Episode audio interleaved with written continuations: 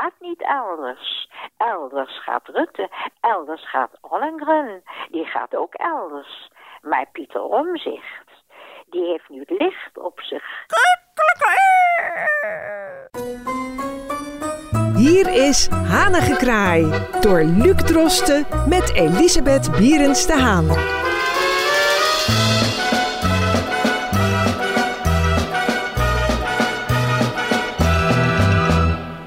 Hartelijk welkom bij Hanige Kraai, een wekelijkse rubriek van Amsterdam FM met de rechtschapen Elisabeth Bierens de Haan aan de andere kant van de lijn. Mijn naam is Luc Drosten en vandaag gaan wij met de toch wel diepgelovige mevrouw Bierens de Haan, want dat mogen we u eh, noemen, het hebben over het gebod, gij zult niet liegen. Uh, mevrouw Bierens de Haan, dan begin ik toch maar even met een impertinente vraag en daar mag u ook niet op liegen. Wanneer heeft u voor het laatst gejokt? Ik ben een gelovig mens, ik lees de Bijbel. En als er een vrouw gestenigd wordt in Israël, toen in Jeruzalem, uh, dan is er een grote volksoploop, want die vrouw die heeft overspel gepleegd en die heeft gelogen. En dan komt Jezus aanlopen.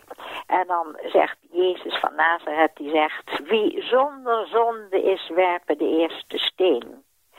En het publiek is heel stil, want iedereen is zondag, zondig. En zeker heb ik wel eens zelf, ik haal dit aan, wel eens een leugentje voor best wil gedaan om iets te bereiken wat ik graag zou willen bereiken. En dat heeft met mijn moeder te maken. En dat was een pertinente leugen. Maar daar ben ik zo blij om. Want dat was voor het goede doel. En ik heb bereikt wat ik wilde, wilde bereiken. Maar... Wilt u niet, uh, daarover niet in detail treden, mevrouw Nee, ik treed niet in details, oh, maar het heeft moeder de leven verlengd. Laat ik het zo zeggen. Oh. Die leugen heeft moeders leven verlengd. Dus een daadwerkelijke leugen om bestwil? Uh, precies, dat is een leugen om bestwil. Dus ik heb wel dus gelogen. De aanleiding om vandaag het te hebben over liegen is onze minister-president. Ja, en er is nu een soort grap gaande. Als iemand eh, een leugentje vertelt, dat noemen we dan de Rutte-leugen. Ik vind het zo jammer, want in het begin dacht ik, wat een goede man. En ik ga hem schrijven, want ik ben nogal schrijver. En ik vind dat hij het zo geweldig doet met die corona en alles. Ja. En ik had een ontzag. En uh, ik dacht, nou ja, dit is de kapitein op het schip. En dan is, nou is Rutte van mijn voetstuk gevallen. En dan ben ik diep treurig, want ik sloeg hem zo hoog aan. Hij is intelligent, hij is geestig, hij heeft altijd een goed woord, hij lacht altijd, goed humeur. Lichamelijk is het een reuze sterke man, zit altijd op zijn fiets en hij doet dan bodytraining. Maar nou krijgen we dat hij dingen vergeet. En nou krijgen we dat de mensen nog wachten met die toeslagen op het geld.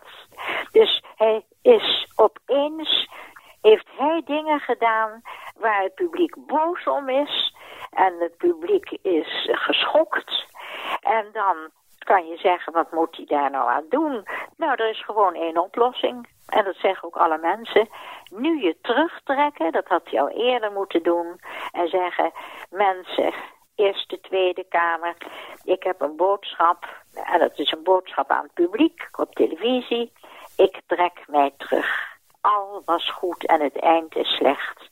Dat is een nieuwe gezegde van mevrouw Bierenstaal. En dat is heel, heel erg jammer.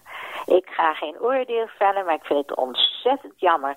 En gelukkig, daar is een nieuw licht aan het firmament. Het is eigenlijk een licht wat heel vaak geschenen heeft. En dat is meneer Kink Widdink.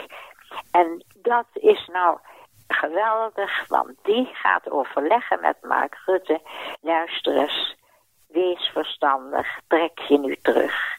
En Rutte komt als laatste. Dat is heel typerend en frappant. Hij komt als laatste en dan neemt hij alle tijd rustig om de zaak door te nemen, te zeggen, ik laat het aan u over, maar voor het belang van het land, voor het belang van alles wat gebeuren moet, ernstige zaken, we staan voor enorme problemen. De corona is er één van, maar er zijn er nog veel meer. Trekt u zich terug, ik wil schoon schip maken.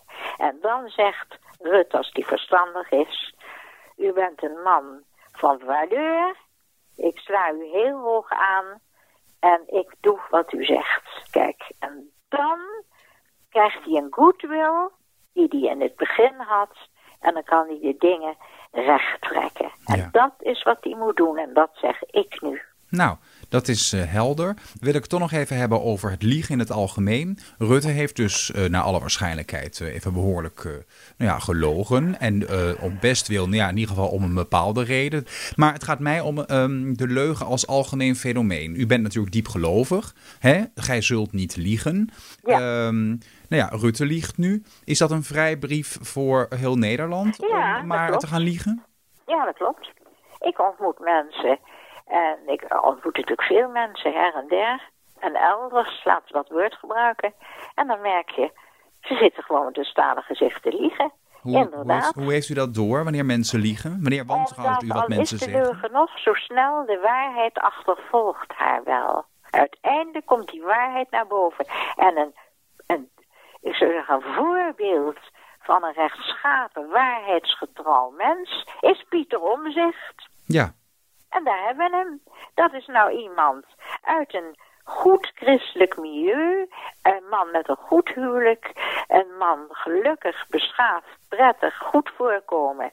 En die moet ausrangeerd worden, zoals we dat dan zeggen. Mhm. Maar de rollen worden omgedraaid. Hij gaat niet elders. Elders gaat Rutte. Elders gaat Ollengren. Die gaat ook elders. Maar Pieter Omzicht, die heeft nu het licht op zich. En het schijnt, het licht, het zonnelicht schijnt op hem, op zijn persoonlijkheid. Want wat ik zeg, iedereen, het is een bijzondere man. Vooral dat hij niet schreeuwt in de politiek. Hij brult niet. Hij heeft een goede stem. Hij, is, hij ziet er appetijtelijk uit. Hij is eh, voorkomend, hoffelijk, intelligent. Wat wil je nog meer? Dus ik ben benieuwd. En ik bid voor hem. Ik bid ervoor dat het recht zal zegevieren. Het is net met die toeslagen. Het is ook schandalig allemaal wat er gebeurd is. En met de gasbellen in Groningen. Dat komt allemaal naar buiten. En het recht zal zegevieren. Ja, en dat is mijn optimistische aard. Dat is mijn religieuze denken. Mhm. Het recht zal zegevieren. ja. En eh, Pieter Omtzigt, die heeft natuurlijk een hele lange staat van dienst in allerlei organisaties. Precies, waar hij tegen, nou ja, vooral ook logge organisaties, waar hij tegen Precies. weerzin eh, Ja. oploopt. En tegen Ja. mensen die hem tegenwerken. Vaak natuurlijk Ja. omdat er het een en ander te verbergen valt. Eh, waarom die waarschijnlijk nu ook thuis zit. Hè? Want als je altijd alleen maar wordt tegengewerkt, dat is niet heel bevorderlijk voor je gezondheid, lijkt mij zelf. Ja, Eh, hij kon er niet meer tegen. Hij het is wel een-. Ja, precies. Het is wel een noodzaak, denk ik, hè? eh, een luis in de pels voor een gezond bedrijf. En tegelijkertijd is het precies eh, dat type mens dat juist eh, vaak door eh, managers als eerste wordt weggesaneerd. Ja, ja, precies. Ik zou je nog even vertellen voordat dit allemaal begon. Toen was Pieter Omzicht in een talkshow. Met twee presentatrices waarvan ik dacht... Goh, jeetje mina zeg, dat wordt me wat. En Pieter Omzicht krijgt het woord. En hij wil iets vertellen wat ik reuze interessant vond. Ik ging er recht voor zitten. Gaat zo'n presentatrice, misschien een kind van 21, die doorboort dat. En zegt, ja, maar hoe zat dat en dat? Waardoor Pieter Omzicht, omdat hij beschaafd is en hij is niet agressief, hij liet zich van zijn, van zijn apropos halen.